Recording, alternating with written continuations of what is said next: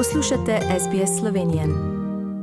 Pozdravljeni, dragi rojaki in drage rojakinje. Slovenski voljivci so minulo nedeljo na referendumu odločno zavrnili novelo zakona o vodah.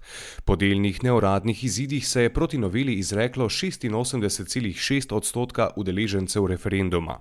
Pobudniki referenduma so prepričani, da so glasovi proti temeljili na mnenju stroke in delu nevladnih organizacij. In tudi to, kar se je zgodilo, je v bistvu prebojenje civilne družbe, je to, da kažemo, da bomo reagirali na vsako oblast, da bomo vsaki oblasti gledali pod prste in da bomo vedno sklicali referendum, če se nam bo neki zdel, da ni ok, ne glede na to, v katero barvo bo obarvana ta oblast. Okoljski minister Andrej Vizjak pa meni, da je bil referendum ugrabljen in zlorabljen. Jaz obžalujem, da so se slovenske vode uporabile in zlorabile in ugrabile za politične in siceršne cilje.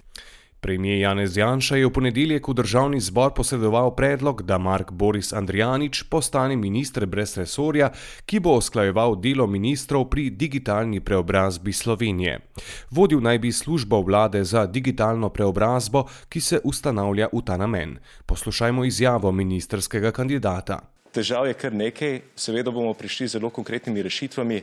Naj jih naštejem nekaj. Mislim, da bi bilo super, če bi imeli državljani na voljo mobilno aplikacijo, prek katere bi lahko zelo enostavno dostopali do vseh storitev javne uprave. Bilo bi tudi super, če bi uspeli združiti in povezati vse baze podatkov znotraj javnega sektorja, tako da nam ne bi bilo treba vse čas izpolnjevati istih obrazcev. Skratka, predlogov je že kar nekaj, mi pa bomo probali svoje delo dovršiti že v naslednjih mesecih.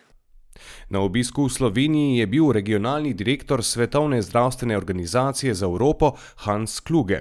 Skupaj z ministrom za zdravje Janezom Pokljukarjem ga je sprejel predsednik republike Borut Pahor.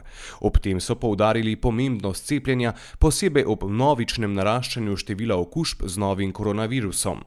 Največ okužb v zadnjem času je zaznati pri maturantih, ki se vračajo iz izletov v tujini, vedno bolj pa je dominantna različica virusa Delta.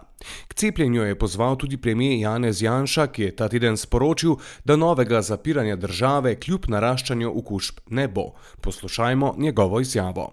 Zdaj, ko imamo dovolj cepiva, ko lahko ljudje izbirajo, je enostavno odgovornost na vsakem posamezniku da zaščiti sebe, pa tudi svoje bližnje, hkrati pa tudi odprtost javnega življenja. V Sloveniji se ne nagibamo k temu, da uzakonimo obvezno cepljenje, ne, zagotovo pa smo dolžni ravnati tako, da tisti, ki je odgovoren, ne bo plačeval še naprej za tistega, ki je neodgovoren. Predsednik republike Borut Pahor pa je podelil odlikovanja Zorku Simčiču za literarni opus, Mirsatu Begiču za kiparskega in Stanislavi Gregorič za glas o domovini med slovenci v Avstraliji.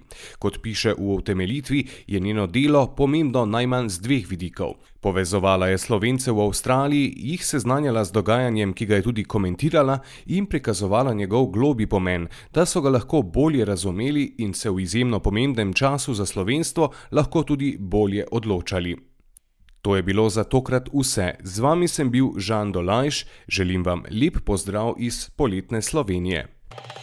Želite slišati sorodne zgodbe? Prisluhnite jim preko Apple ali Google podcasta, preko aplikacije Spotify ali kjerkoli drugje.